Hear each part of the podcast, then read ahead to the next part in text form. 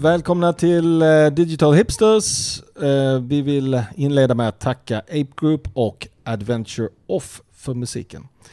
Eh, idag så har vi ett så kallat recap-avsnitt. Alltså en sammanfattning av vad vi har pratat om. Inte allt men en del den senaste tiden. Säsongsavslutning. Ja, om man så vill. Det är konstigt att ha säsongsavslutning precis efter sommaren. I september. Ja. Det är lite ny Vi har inga som bryts. tidsmarkörer i vår eh, podcast, den är tidlös på det sättet. Vi kanske Exakt. kan eh, gå igenom vad det är för någon säsong vi avslutar då? Är det säsong två? Säsong två avslutas nu här. Vi har inte riktigt varit så tydliga med de här säsongerna, men vi hade först en säsong då, det är egentligen som började för tre år sedan. Det var lite sporadiska avsnitt, det var lite, ja, huller om buller. Eh, och sen så gick vi in i säsong två, eh, då gick eh, Ape Group in som sponsor och vi började vara mer regelbunden i, vår, eh, i vårt släpp. Och nu då går vi in i säsong tre. Mm. Som egentligen är, ja, vi har ju testat lite grejer och nu så sätter vi ett format tror jag. Precis. Ehm, och utan att dra ut på det alldeles för länge så tänker jag vi kanske bara sätter igång och börjar snacka om eh, det första avsnittet eh, som går way way back. Det var det första avsnittet där vi också hade en gäst eh, i Ola Ottosson. Ja, Och det var Marketing Automation avsnittet. ja, marketing automation pratar vi om. Eh, det är ju det avsnitt som har gått eh, absolut bäst. Och det avsnittet där du inte är med. Exakt, så vi kallar det Nils-effekten, eh, när jag inte är med. Nej men, eh, eh, det- går ju att diskutera varför det gick så bra. Ett, för att det var ett bra avsnitt, det var intressant. Två, det var lite av ett clickbait-titel. Ta helhetsgrepp om din kundresa eller något liknande. Eh, vi hade en gäst, så det spreds till, eh, till, liksom, till hans eh, nätverk också. Eh, ja, men ett, en takeaway man kan ta från det här är ju att eh, när eh, man vet vad man pratar om, då blir det ju ett bra avsnitt. Eh, och det gjorde ju Ola. Oh. Ja, precis. Det, det är en stor skillnad mot eh, många andra avsnitt. Ja, precis. Vi spelar ju också lite andra fiol i det avsnittet på så sätt att Ola fick ju berätta, vi fick ställa frågor. Ja, exakt. Och eh, men, om jag ska liksom eh, försöka mig på att recensera det här avsnittet eftersom jag inte var med, utan jag var liksom en lyssnare som alla andra. Eh, bra. Väldigt faktatungt. Alltså, eh, jag satt ju praktiskt taget och pausade var femte minut och typ antecknade för att hänga med. Eh, så man tog den på en cykeltur liksom, så tror jag man bara what? Eh, men jävligt fint. Och eh, ja, vi ska, borde göra mer intervjuer. Ja. Det som jag kanske hade saknat, och ni vet ju om att jag är en motståndare till intervjuer, är väl liksom att det hade varit... Det enda enda jag saknade från det här avsnittet var väl egentligen att ni kanske förde in... Det var, ni frågade bara vad Ola tyckte, medan ni kanske hade kunnat komma med lite egna inspel typ. Men det är svårt också, marketing automation liksom. Jag vet inte vad man kan om det. Mm. Nej, men absolut. Mm. Det är en designpodcast. Ja, Nej men ja, exakt. verkligen. Men eh, alltså utöver det, eh, jävla fint avsnitt alltså. Och eh, det som absolut har fått mest lyssnare hittills. Mm. Mm. Ja, då går vi vidare eller? Mm. Yes. Mm. Och då är det Design Sprint avsnittet. Ja, just det. Eh, Det var ju ett, ett ganska spännande avsnitt och ett roligt ämne för oss att prata om för att många gånger så diskuterar vi ju saker som vi kanske snappat upp i någon form av nyhetsflöde. Eh, Designsprintar är ju verkligen någonting som ligger oss ganska nära hjärtat eh, på så sätt att vi, det är en metodik som vi verkligen har anammat eh, och eh, eh, själv testat på och försöka hitta en, kanske en egen applicering utav som vi kan eh, använda oss här på Ape Group. Uh, och det har ju verkligen blivit en, en stor snackis det här med designsprintar. Det känns som att det har dykt upp i en massa olika sammanhang. Man börjar se de här eh, stora produktföretagen, eh, Google, Facebook, att de har namnat arbetssättet eh, och eh, det har verkligen blivit populärt.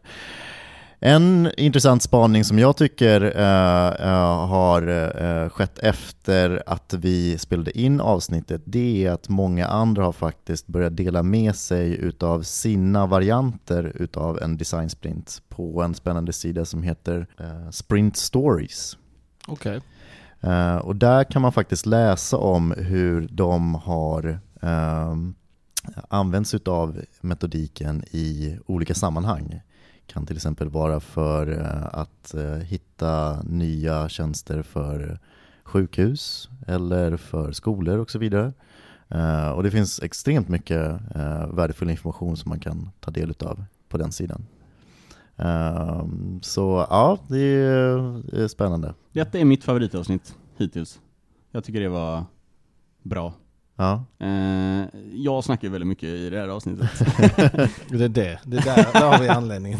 Nej men det var en skön frisk fläkt från förra när jag inte var med, tyckte jag. Nej men, men återigen, alltså, vi visste ju vad vi pratade om. Vi hade erfarenhet, vi delade med oss av den. Det är också en sån feedback, fan vad bra det är när man vet vad man pratar om liksom.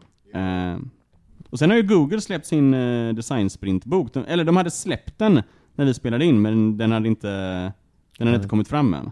Så den har vi läst på byrån och rekommenderar starkt. Mm.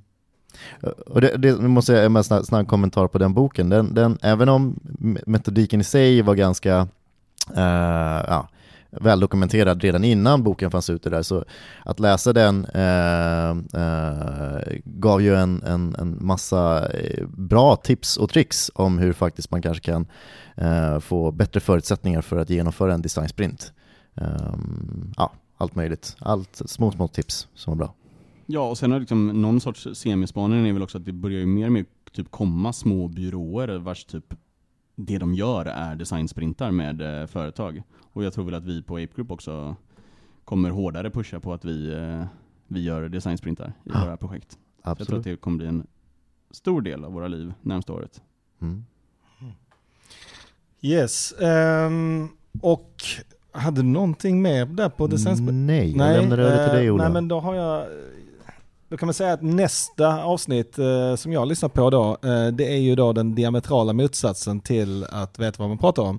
Det var VR-avsnittet. Eh, Boom! Boom! Där hade vi en gäst i Daniel Dahlqvist ehm, och vi hade också nytt ljud så det var väldigt eh, rätt markant skillnad så sett. I övrigt så var det kanske inte det bästa avsnittet. Det var väldigt, väldigt mycket snack om spel. Oerhört mycket. Eh, för att eh, så fort vi ville liksom så här, när vi försökte liksom pressa oss uh, utöver det så kändes det väldigt mycket så här internetkylskåp. Uh, alltså en ganska så uh, skapad uh, företeelse uh, som... Och Nils var en stark... ja, du, hade, du ansåg att det är helt enkelt för töntigt för att slå. Tänker du så, fortfarande så? Ja, alltså det blir ju mer och mer snack om VR, det märker man ju. Man märker mm. att byråer vill börja göra det, man märker att liksom så här. Men eh, nej, jag har väl bara blivit mer och mer övertygad i min övertygelse om att det här är... Eh, jag snackar, vi nämner ju i avsnittet att vi känner någon som jobbar med, på Facebook med virtual reality, jag snackade med honom faktiskt eh, för bara några veckor sedan, vi var åt middag med dem. och han trodde väl också, fem år. Fem år. Om fem år kan det bli något, som liksom var man har sin... Och då jobbar han på Facebook, så jag tror tio år kanske. Mm. Eh, jag tror inte på, jag tror inte på det.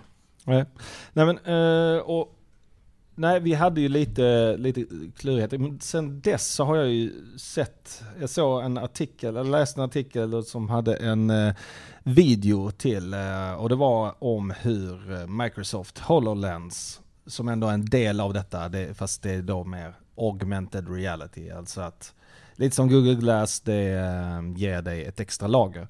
Hur äh, Microsoft HoloLens skulle kunna hjälpa till i byggindustrin. Och den filmen lägger vi till i våra kommentarer. Den, det verkar ju rätt vettigt äh, i vissa sammanhang. Det kommer vi ju fram till i avsnittet. Men Ja, vi pratar väl om utbildning. För det, mm. det tror man väl också. Här. Jag tror också att man kan göra väldigt coola så här, kortfilmer eh, och liknande. Men, men så här, mm. riktiga saker. Jo, men HoloLens där hade du ju då som ett exempel till ex eh, hur de på en byggarbetsplats eh, istället för att de hade arkitektritningar så kunde de ha, eh, alltså elektrikern kunde direkt se i byggnaden var, hur dragningarna skulle se ut. Eh, samma sak med rörmokare och, och så vidare då. Um, vilket logiskt sett egentligen borde leda till mindre missförstånd. Sen om det här används och hur det används och vilka standarder som kommer att behöva komma på plats för att man ska enkelt kunna arbeta med detta. Mm. Det sa de inte i den. Nej men okej, okay, det, det, köper jag. Jag tror att det kan bli en ny liksom, iPad som eh, mm. främst används, om man bortser från barnet då för iPad, men att det är liksom en främst grej som, som används i, i arbeten liksom. Mm. Och jag tror att min skepsis är väl främst så här consumer Alltså att var man använder det istället för, eh, för telefonen liksom. Men jag Däremot tror... mm. så är simulatorer och vi pratade om att så här, träna sig med, eh, om man var i militären och liknande. Mm. Mm. Det jag, kan det bli. Men det jag får en känsla av att de här olika tillverkarna håller på att positionera sig lite olika. Microsoft HoloLens känns ju väldigt mycket åt det Enterprise-hållet. Ja. Eh, sen så har du ju andra tillverkare som fortfarande vill bygga de här häftiga upplevelserna i relation till spel eller film eller någonting. Och nu kom väl också Playstation? Exakt. Det kommer till Sverige eh, strax. Eller så har det kanske kommit beroende på när det här avsnittet sänds. Men eh, det är nu i eh, någon gång som det kommer till Sverige. Eh, det har redan varit eh, ute, jag vet att Telia har kört lite sådär att man kan gå in och testa i deras butiker. Så det är väl eh, tid att testa det. Mm. Ja men exakt, vi får väl hålla koll helt mm. enkelt. Vi får återkomma till det här ämnet om en... Oh, och ja. ett annat ämne som vi kanske också borde eller, ta upp är ju augmented reality som vi ändå filmar. Pokémon Go. Jag har läst ganska många artiklar som handlar om liksom så här augmented versus virtual reality-kriget. Eh, ah, det, det, kan vara ett senare, ni såg extremt skeptiska ut. Ja men är det ett krig? Vi, ja, precis, det låter som ett väldigt konstigt krig. Ja, men det, det var det clickbait liksom, men vadå? Det känns som liksom, augmented reality trodde man ju aldrig skulle bli något och sen så kom Pokémon Go och nu är alla ja. superpeppade på det där liksom. Är det en trend eller är det bara ett bra spel? Återstår att se. Det återstår att se. Mm. Uh, yes, vi hoppar rätt in på nästa då. Ja, Eh, då kommer ju då High-avsnittet. Human Assisted Artificial Intelligence. Men, eh, och kanske mer känt som liksom chatt, conversational UI eller liksom bottar. Vi pratar ju om, om Facebook M och, och det som är lite kul med det här är väl att eh, Sen vi hade det här avsnittet så har ju det här blivit praktiskt taget den största trenden i, eh, inom digital design och den har också dött ut. Eh, det var ju ett tag där det inte fanns någonting annat än eh, artiklar om eh, conversational UI. Till exempel Ola, du skrev en. Eh, det mm. kom massa, massa hemsidor som eh, egentligen bara var ett sånt chattfönster. två veckor efter avsnittet så, släpptes, så släpptes ju den här Quartz News som är den, egentligen den stora, stora produkten med sån här conversational UI och eh, ja, vi är ju ofattbart eh, positivt inställda till den här eh, teknologin och den här trenden och sånt. Och det känns inte som att man är det riktigt längre va? Jag vet inte, jag tycker det är för tidigt att säga. För att eh, självklart så finns det ju ett eh, vad ska man säga, ett nyhetsvärde i det där. Jag tror inte att det på något sätt kommer försvinna bort. Utan ehm, man lär nog få se det mer och mer. Eller det kommer väl man kanske redan gör det på sätt och vis. Man kommer kanske mer interagera med kundtjänst eller en bokningstjänst på samma sätt som mm. man chattar i ett fönster ja. och sådär. Ja, alltså, jag, alltså, när vi är inne på att prata om så här varumärke är tone of voice och att eh, ibland så är det att det är ett gränssnitt bland massa liksom. D där har vi, där tycker jag vi säger bra grejer liksom. Men jag menar, det, var, det har ju blivit uppenbart. Vi har gjort några koncept med så här lite mer bot eh, conversational Eh, stil och eh, vi har ju även eh, kopplat på massa på så här bottar på Slack här internt på Ape Group och det är fan vad jobbigt det är. Alltså mm. fan vad jobbigt det är. Mm. Och vad man hatar vad man hatar Slackbot. Jo, Uh, och man, man bara längtar såhär, Hej! Would you like to... Alltså det är, det är ju, vi pratar väldigt mycket om gamet också. Ja, vi, vi, precis, vi slog ju på det här, det var Mikan, finns det. de har en bot till Slack. Mm. Eh, och den fick avinstalleras per omgående. Folk blev helt galna på det. Det var ju verkligen Looks gamet. like you're trying to create a meeting. Man bara, ja gamet, det gör jag. Men eh, det finns också en kalendergränssnitt där man bara kan typ dra ut istället för att typ prata med dig i 20-30 minuter. Nej, det var helt sinnessjukt. Men, jag menar, eh, ja, den, d- d- alla trodde att det var lösningen på alla problem, och sen så insåg man att det, var, det blev mer och mer problem, och så nu har det väl Lösningen på några problem. Nej Ja. men exakt, det är, det är väl det är som vanligt. Det är blivit en sån här nyhetens behag och så tror man att det är en silver bullet och kommer liksom lösa allt. Men sen så börjar vi liksom hitta lite rätt vart den här nu ska liksom appliceras någonstans och, och då får vi kanske en lite mer, eh, ja, Jag läste en eh, rätt intressant artikel om eh, faktiskt om det här efter det att eh, efter det att eh, vi hade sänt avsnittet och då handlade det, eh, den artikeln om WeChat som nämns i parti och minut så fort man diskuterar det här ämnet. Men en sak de hade gjort i alla fall det är ju att dels så hade de ju, de hade inte haft någon plan utan det här var ju bara någonting som liksom växte organiskt. Och sen också det här faktumet att man chattar inte med tangentbord på det sättet som många tänker, utan det bara råkar vara i det gränssnittet, alltså i flödet. Men att du har olika typer av komponenter som du kan interagera med. Det dyker upp en kart, pratbubbla inom citationstecken. Eh, eller det dyker upp så här eh, ett, liksom förpopulerade knappar som du bara du kan göra dina val istället för att sitta där och trycka in saker.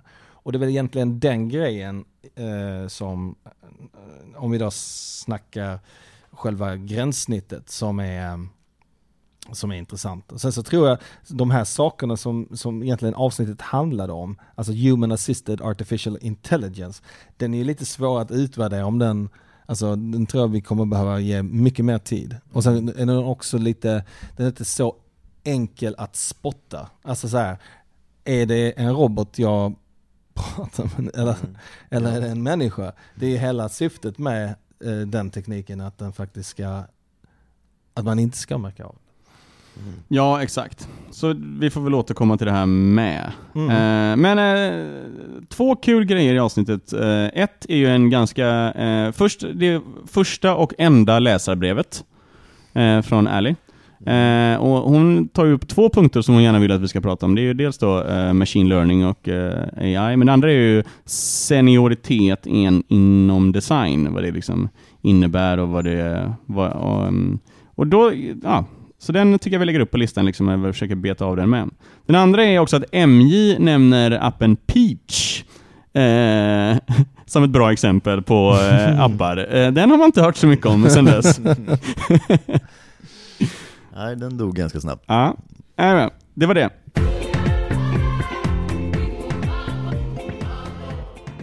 Du har lyssnat på ett avsnitt som hette vad?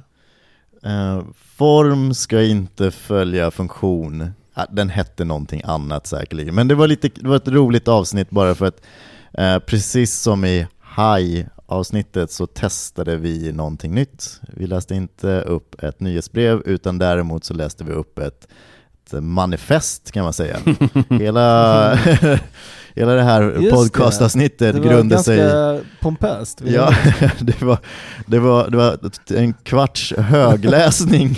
Ja, Som- in, som- innan, man hörde också att det var läste till. Ja, ja absolut, men det är okej, det tycker jag är bra. Men alltså det, det var ju också ganska bra där med att vi klippte in lite, eh, lite eh, statements från eh, Stefan Sagmeister, eh, där, som egentligen kanske hade kläckt idén till själva avsnittet.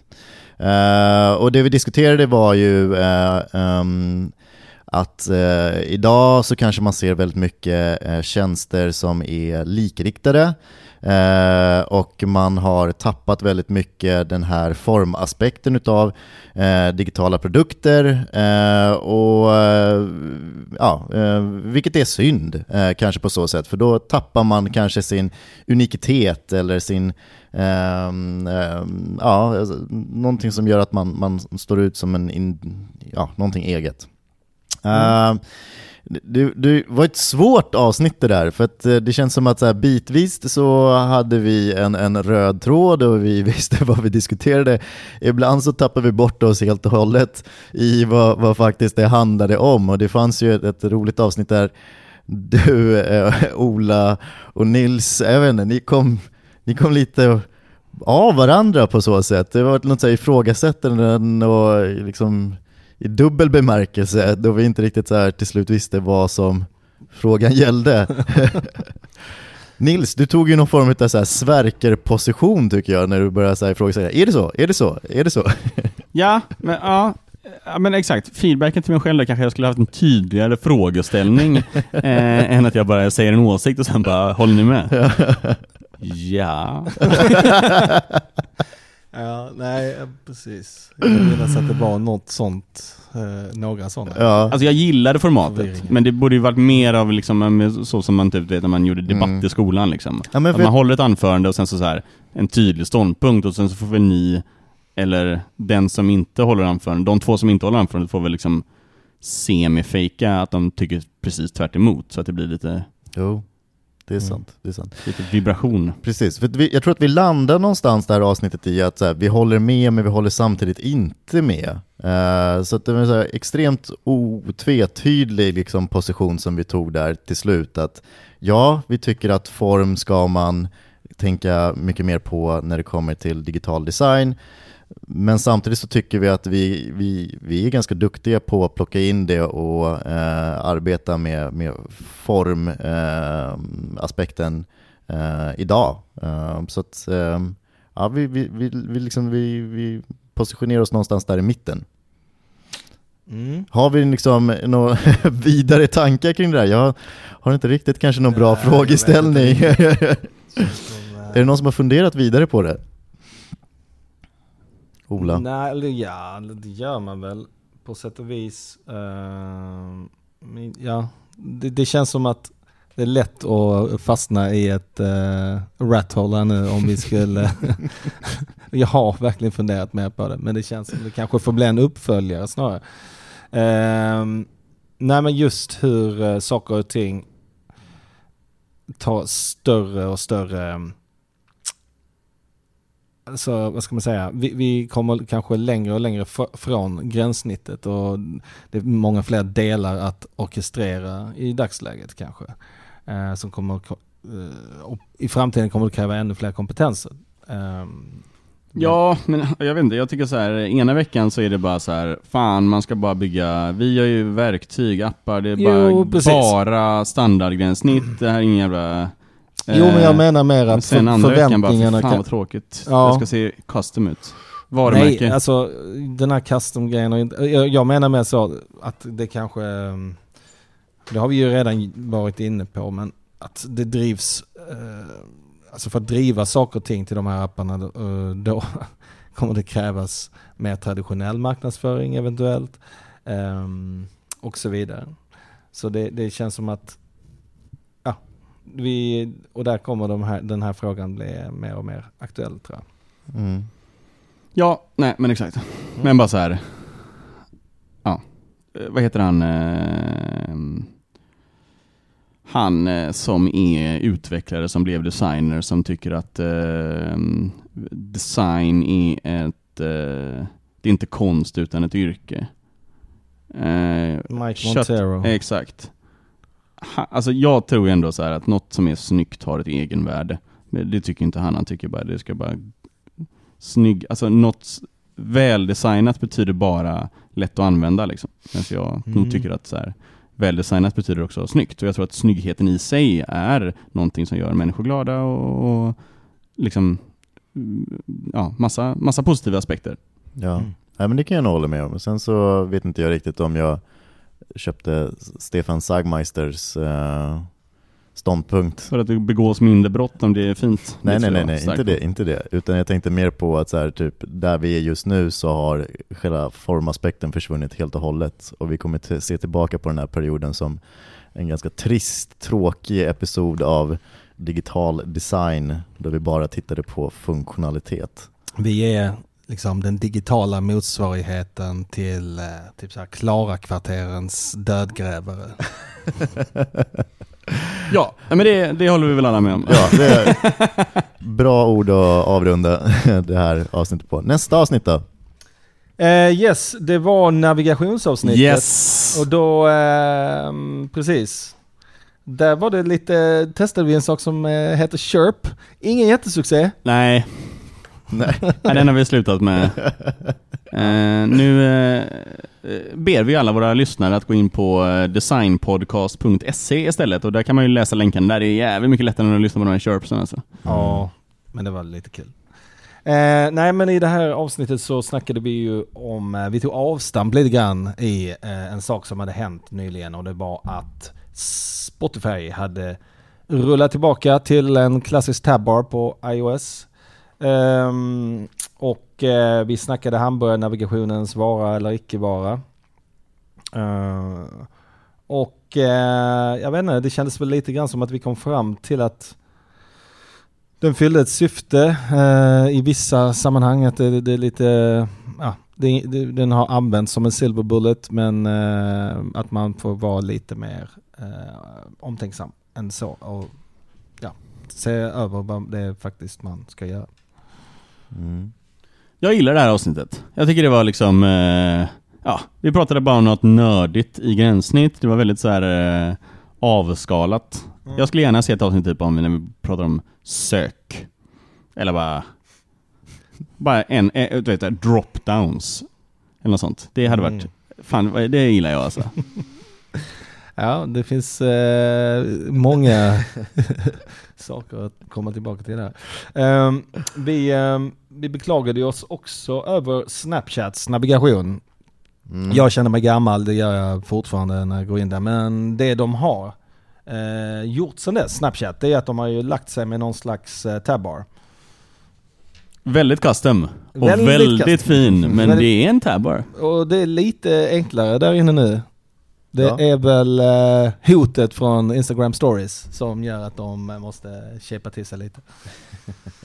Ehm, nej men sen så snackade vi ju om det här, f- ja, fenomen är väl lite starkt att ta till men den här eh, grejen, eh, objektorienterade UX, objektoriented UX som är en eh, en metodik som, nu kan jag inte komma på hennes namn, men eh, i stora slängen så går det ju ut på då att eh, lägga mindre energi på eh, det man traditionellt anses vara navigation och mer energi på användarnas mentala modeller och liksom vad man ska kunna göra med innehållet och vad som bör vara associerat med innehållet och vad nästa steg är och så vidare. Är det någonting ni känner, det var ju ganska nyligen vi snackade om detta men eh, Mm. Jag har ju de två artiklarna i min eh, tab i browsern fortfarande. Jag har kommit ungefär eh, 40% på en. okej. Ja, Ehm, de var ganska långa, det var ja, extremt långa, men jag tror att eh, hela den där grejen och typ eh, Atomic Design är i tassemarken också eller? Ah, Okej. Inte Nej, ju riktigt Typ, då har jag inte fattat något. alls. Eh, nej, men jag tycker att det verkar en jävla bra grej och jag har den ju på min eh, to-read-list liksom. Ja. Men eh, Ola, jag tror det var du som skickade ut en eh, länk efter det här avsnittet som heter typ så här The website without navigation. Fan, och det var ju typ det jag bara, och det var egentligen bara en som hade hittat en hemsida som inte hade någon nav. Och som bara hade kontextuell nav. Nu var det även en nyhetssida och det var liksom en artikel som man skulle läsa, sen så kunde man läsa mer, eller man kunde gå vidare till nästa artikel och sådana Mm. saker. Men det är fan intressant. Jag tycker eh, det finns ju sånt här, det här är kanske ett sidospår, men det finns en sån här eh, The Web Without Words, den, som är ett plugin där man kan liksom ta bort all text från hemsidor och så ska man liksom kolla, kan jag fortfarande navigera liksom? Och då var det ett test för några år sedan att ja men då är det bra eh, då är det användarvänligt och eh, liknande för då behöver man liksom inte läsa bara text för att göra det. Och, ehm, ja men du vet, ikoner och bilder och sådana saker. Men alltså bara, okej, vi tar den här hemsidan, tar vi bort naven. Så kollar vi hur det funkar. Det är ju ett jävla kul test att kolla hur, hur bra man är på sin kontextuella navigation och Mm. objektorienterad UX. Så ta bort naven nu från sidor. Nu. Eh, ja, precis. Ehm, bra avsnitt tyckte jag också. Eh, det var också en eh, väldigt, eh, vad ska man säga, pratade väldigt mycket och initierat. Och, men ändå blev det aldrig sådär superflummigt. det var svårt att flumma, flumma bort. Sen så efter det så lyssnar ju du då på ett ja, hyfsat snar eller närbesläktat avsnitt ändå. Ja, exakt. Lite grann kanske. Precis, det handlar om prototypverktyg. Mm. Och jag vet inte, när jag lyssnade på det tänkte jag så här, åh det här kommer bli tråkigt liksom. Det här kommer bara pratas om, eh, det kommer bara rabblas massa prototypverktyg och det kommer vara liksom tre personer som eh, ja, du vet, pratar initierat om något som ingen bryr sig om. Men det var faktiskt, eh, det var kul tyckte jag. Det var roligt. Det kom en del eh, Ah, eh, Okej, det eh, namedroppades ju prototypverktyg en masse. Alltså jag tror vi nämner alltså eh, 27 stycken prototypverktyg och det är faktiskt ganska, jag skrattade faktiskt ganska många gånger liksom när det är så här, bara, vad är det det heter? Och så, så bara, bara regnar det, nej inte det, nej inte det, nej inte det, nej inte det. Eh, det är väldigt kul. Men, eh, och, och, och, nu får man ju liksom lyssna på det. Men jag tycker det allra bästa är faktiskt någonting du säger Ola. Det är, du pratade om alltså här, prototyper i nuläget bara fanns i X-led, att man kunde bara göra flöden, man kunde bara gå liksom från vänster till höger, medan eh, det som behövdes göras istället för att bara i nuläget så gör alla bara det coolare och coolare med mer navigation, eh, animationer, mer trans transitions. Men det man borde kunna göra är egentligen istället bygga upp prototypen i Y-led också, som är då states. Alltså första gången man kommer in, eller om du trycker på den här knappen, om man- den här input-datan. Det tycker jag var jävligt, eh, ja, det var jävligt bra liksom. Och sen, det som Det hände... hade varit trevligt om det var, alltså grejen är det går ju med till exempel en sån, alltså någonting som Framer JS eller Framer Studio, så går det ju såklart, men det är väldigt lite fokus på de områdena och det är det som, det känns ju som en sån deal, alltså sån grej som ofta gör att man får problem. Eh, att, man, att det är så många, man har inte tänkt på det. Liksom. Nej men exakt, och det, det var väl liksom den stora takeawayen eh, tror jag från det avsnittet. Det, kändes, det känns ju fortfarande väldigt aktuellt, ingenting har hänt där. Men det som har hänt sen sist är ju att Principle har släppts i 2.0. Mm. Mm. Eh, det är kul. Ja, Vi vad- eh, pratar väldigt väl om eh, Principle. I, Vad innebär Principle 2.0? Eh, ja, det vet ju inte jag, för det är ju en annan takeaway här. Jag, jag fick lite depression när jag lyssnade på det här avsnittet, för jag har fan inte gjort någonting. Nej, jag kan ta en snabb Du har ju gjort... Jag kollar på det i alla fall. En sak som är väldigt, väldigt trevligt med nya Principle, jag tror det är egentligen den största featuren. Eh, det är ju då att man kan nästa sådana här små komponenter. Så istället för att man behöver göra om, säg jag har en liten, en liten eh, checkbox eller något sånt, så behöver jag inte byta ut hela eh, artboarden, utan jag kan bara ha den där lilla komponenten. Den har sitt egna lilla liv. Ja, okej. Eh, så, så jag måste okej. inte ha liksom så här, säg jag har fyra, eller säg två checkboxes. Då, då skulle jag tidigare behöva ha fyra bilder. En där båda är iklickade, en där båda är urklickade, en där den ena och sen, ja sådär. Mm. Eh, nu så har jag bara en komponent för båda de två och ja, jag behöver inte hålla på med så många artboards. Så det var väldigt eh, bra. Det, känns som att de eh, utvecklade mm, i en spännande riktning. Där.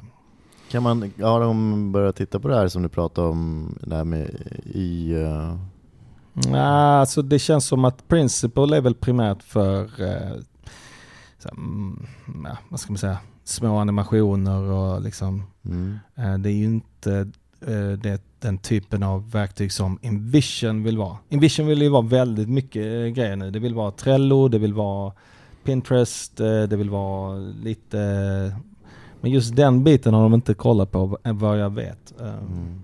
Mm. Nej men exakt, det, känns väl som att eh, Invision och Principle är väl de som har, liksom, i alla fall för mig, störst plats liksom, inom mm. prototypande. Att man gör ett liksom, övergripande flöde så man får en, man får en bild av vad det är, Mm. liksom på det stora hela, vad det är för eh, produkt man bygger i Invision. Och sen så gör man eh, ja, men, eh, kanske tre, fyra liksom, nyckelanimationer som man... Eh, Jo, precis. Sen har du å andra sidan, jag tycker att Framer är fortfarande otroligt spännande. Det händer väldigt mycket där. Ehm, nu har det kommit en VR-komponent så man kan börja prototypa VR. eh, en liten callback till, till det där också. Eh, Nej men eh, så att, du har väl suttit och kört Mapbox i Framer. Ja, eh, man kan göra, det är det som är det fantastiska med Framer, att finns det, finns det JavaScript, eh, liksom API, för, eller bibliotek bara, så eh, löser det resten. Eh, uh, framework, det går att göra, bygga saker där som är, ja, det är väldigt bra. Och det är en väldigt bra community kring det. Som är benägna att svara på frågor och utveckla moduler och sådär. Jättebra. Ja, och sen har ju vi en sån grej att eh, ungefär en, två dagar efter att vi har spelat in ett avsnitt så kommer alltid en jättestor nyhet. Japp. Eh, så då, vi diskuterar rätt mycket så här, vad är det det heter? Heter det Silver, bla bla bla? Och det var ju då det vi det vi diskuterade var ju det som heter då Silverflow, som sedermera nu har blivit Craft Prototypes. Just Som då släpptes på beta två dagar efter vi har spelat in. Så nu kan du ju då eh, spegla Invision-prototyper i eh, din telefon och du kan även göra liksom eh, hotspots och transitions rakt i Sketch. Du behöver alltså inte importera det in i Invision längre. Eller du behöver göra om du ska dela det med någon, men om du bara vill själv kolla liksom, eh, så är det steget eh, praktiskt taget. Det är fortfarande lite, det är lite sketchy. Eh, hehe. Eh, minst, minst sagt. Eh, men, ja, som sagt, det som vi pratade om som heter Silverflow heter numera Craft. Eh, och det har släppt. Och sen så säger MJ även en grej så här. eh, vi pratade lite om lookback i slutet. Han bara, lookback, det är inget prototypande. Och det har ju även byggts in i Invision nu för kanske en, två veckor sedan. Så nu kan Snackar vi inte om det? Jo, men det som sägs var bara, varför pratar man om det? Det är inget prototypverktyg. Eh, så vi liksom eh, avslutar diskussionen där. Men nu är ju faktiskt lookback inbyggt i Invision, så nu kan du ha det på ett Mm. prototypverktyg. Det har väl funnits, jag tror faktiskt det har funnits en längre tid. Alltså att man, skulle, man kunde göra lookback, eh, köra lookback och Invision ihop. De släppte någonting, det var säkert ett år sedan. Men det som hände då, och jag vet inte om vi pratar om detta i avsnittet, jag Mm. testade det. Och det var så fruktansvärt dålig framerate så att det, liksom, det gick inte att Aha. Det, det gick verkligen inte att äh, använda det på det sätt man vill ha det. Nu är det ju en, eh, en av de eh, liksom, mest prominenta knapparna, så gissningsvis har de fixat till det där då. Ja, Mm. ja men det kan man ju hoppas. Men- det är ju spännande. Alltså, idén är ju väldigt, väldigt eh, bra. Ja, ja, jag har använt Lookback liksom generellt på telefoner och användartestar och det är ju, det är ju jättebra, eh, ett jättebra verktyg för att spela in interaktion och, och användartesta eh, produkter med. Eh, ja, nej men så på det stora hela ett bra avsnitt. Eh, MJ, har ditt liksom prototypande... För jag kände väldigt starkt bara, fuck jag måste prototypa mer, jag måste eh, Mm. hålla, hålla mig borta från Keynote, göra mer liksom Ja, Mm. animationer. Nej, alltså, jag kan väl känna att jag saknar lite prototypandet i mitt arbete. Jag, det har inte blivit så mycket prototypande för, för, för min del. Ehm, utan man, just nu så är det väldigt mycket keynotes och det är eh, Eh, andra typer av arbetsuppgifter. Så att jag, ja, jag kan känna att jag saknar det här lite prototypandet eh, faktiskt. Helt klart. Ja, det är också ett, eh, något som vi ska ta upp i det här ämnet om hur man, när man blir seniordesigner, man får inte göra en design längre.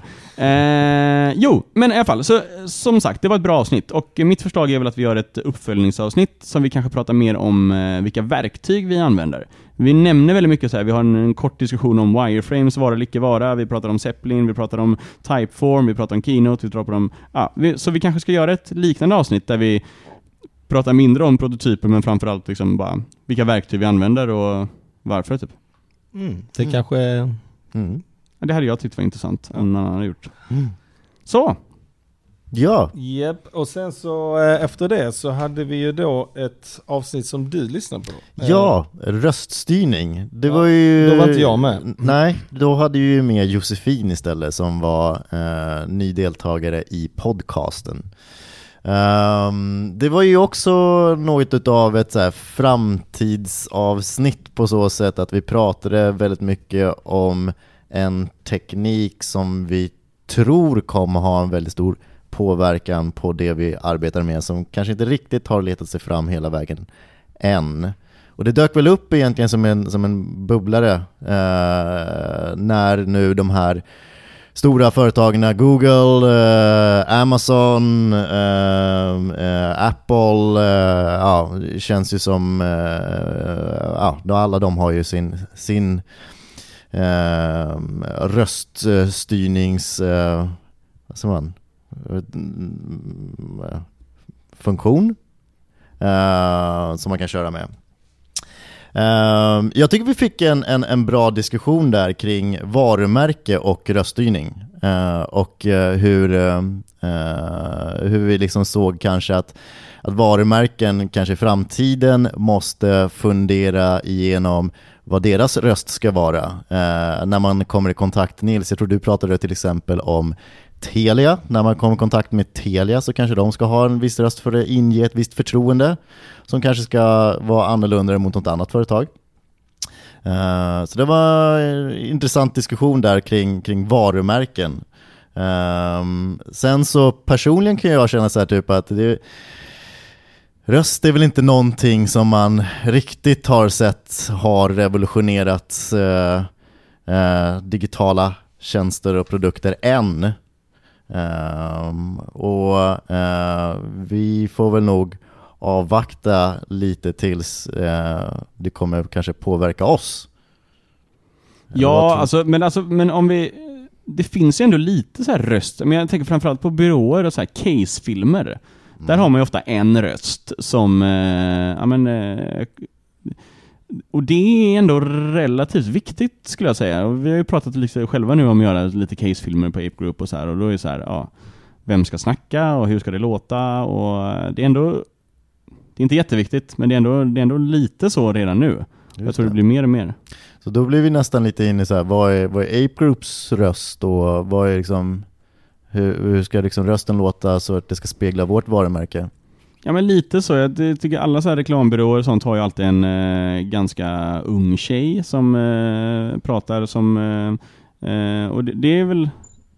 Det är väl, eh, eh, det, är väl det, det, det, som är den safer routen, för det är trevligast liksom. Men ja, jag tror inte man ska ha så här, låta som så här, krabban i Little Mermaid, men eh, eh något eh, kanske man ska ändå göra för att stå ut lite liksom. Mm, mm, absolut, absolut.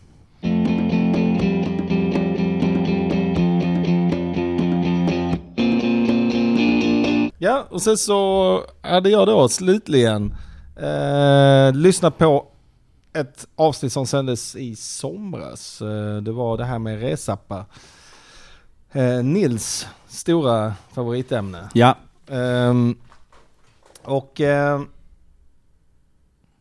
en sak som var väldigt tydlig i det avsnittet var ju var ett ganska ytligt avsnitt på sätt och vis. Alltså det var ju väldigt mycket eh, vi dömde dem, vi kom ju fram till och sa det uttryckligen att man, en resa dömer man på hur den ser ut. Yes. Mm. Eh, och sen att den inte riktigt gör jobbet väl på plats, det är mindre viktigt. eh, och eh, nej men vi, en eh, spaning var väl att eh, apparna borde bli bättre då. På att tänka på användarna som är på plats. Eh, och eh, låta, eh, de är väldigt så här protektionistiska och liksom de borde låta användarna lägga över tips till appar som är, som är bättre liksom. Som gör jobbet med, har bättre kartfunktionalitet och gör det möjligt att dela innehåll till resekamrater. Um, lite för mycket lock-in. Um, ehm, bolag utvecklar väldigt mycket egna produkter också som skulle kunna vara delade plattformar. Det var väl en sån sak. Vi snackade lite om det här med Slack, äh, förlåt, äh, Uber för flygplans, äh, flygbolag och så vidare. Eller att det känns som att äh, många av de här ska man säga, reserelaterade apparna kanske inte alla gånger behövs. Så kan man väl sammanfatta det. Mm. Såvida man inte är extremt lojal på ett sätt som förmodligen inte någon är idag. Mm. Um. Vi pratar väl inte så himla mycket kring så här typ, eh, vi nämner väl SJ-appen eh, gissar jag. Vi pratar väl inte så himla mycket så om, om bokning och ah, fluff, airline websites liksom. och så vidare. Mm. Ja det pratar vi just om. Nej men för det som har hänt sen sist är ju att SAS har ju släppt sin eh, beta. Ja, just det. Eh, och den är ganska rolig. Lite för sent är det väl, men eh, den är rätt kul liksom. Mm. Och SJ-appen är ju jättebra liksom. Att Mm. det, händer, det känns som det händer mycket grejer Mm. där liksom. Att så här, även resebolagen börjar ta Ja. lite digitalt ansvar. Mm. Ja, nej men eh, SJ eh, tycker jag verkligen har... eh, shit, vilken... vilken resa! wow! Ja men framförallt, hur stod man, hur stod man ut med det som de hade innan? Nej, det, var Det är väl det man undrar mest kanske, nu när man ser hur det kunde varit. eh, hade- Men där, ja. det var kanske lite eh, en eh, MTR-spark i rumpan som man behövde kanske. Jag vet inte. Just det.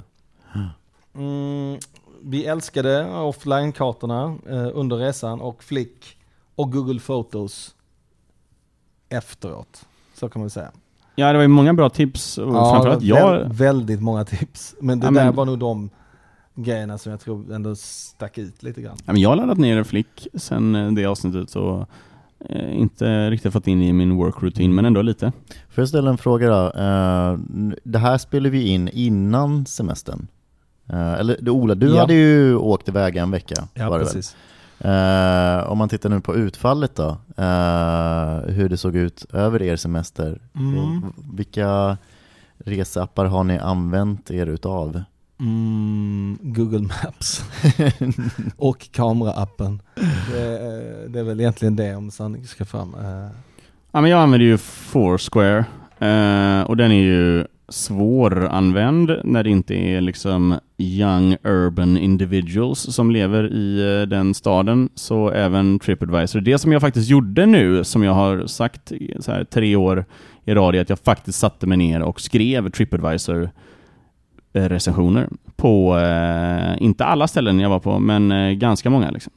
Ehm, men sen, ja, jag har semestrat i liksom ställen jag känner till, så det har inte varit så här superviktigt för mig att Ja, eh, bli samma. inspirerad och sånt. Men, men eh, ja, alltså så här, tips om vart man ska gå och äta Mm. är väl det jag allra mest använder. Ja, ja precis. Det är, det är ju alltid lite vanskligt det där att försöka hitta bra ställen. Jag kommer ihåg när, vi, när jag var iväg och reste i USA eh, med några kompisar som är eh, veganer. Då fanns det en app som hette Happy Cow som tipsade om alla bra veganska ställen. Så det var bra. Mhm. All right. ehm, har vi något veckans tips? Eh, ja, eller eh, så här. Det är ju säsongsavslutning. Vilket betyder att det måste ju betyda att vi går in i en ny säsong eh, snart, antar jag. Eh, och då händer väl lite grejer? Ja. Ja. Eh, vi byter namn. Wow. Eh, men eh, SEO-aspekterna eh, har fått väl ta över här. Det är ingen som kan stava till vårt eh, eh, lite för smarta podcastnamn. Mm. Och eh, om vi ska vara helt ärliga också, inte helt, det är inte, det är inte helt unikt. Det finns en, det finns en hemsida och det finns ett nyhetsbrev som heter likadant, vilket Mm. betyder att så här, ja, om någon mot förmodan förstår hur man stavar till det så är det kanske inte heller säkert att vi eh, kommer först liksom. Så nu byter vi namn till lite mer, ja, vad vi är liksom. Till någonting som är helt unikt och som definitivt vi inte kommer ha någon konkurrens på vad det gäller eh, på Google. Exakt. Eh, så från och med nästa avsnitt så kommer vi heta Redesign Podcast. eh, då finns det ju då eh, framförallt en eh, till The Redesign Podcast som är en Evangelical Christian podcast. Eh, så det är den vi slåss mot eh, främst. Jag tror att vi eh, inte har samma målgrupp helt och hållet. Det är inte ett vändiagram där, utan det är, det är två bollar. Eh, så det kommer en ny, ja, men, en ny jingel, ett nytt artwork och en ny titel och också en ny radiopratare. Vi kommer ta in en fjärde Ape Group eh, och hon kommer väl med nästa eller nästnästa avsnitt. Så då Mm. blir vi lite mer ruljans. Eh, så det är kul tycker vi. Eh, Mycket spännande. Mm. och eh, jag tror också att det är en tech-podcast eh, på G från, eh, från Ape Group. Så om ni eh, är intresserade även av teknologi så eh, kommer vi kunna ha något kul där framöver.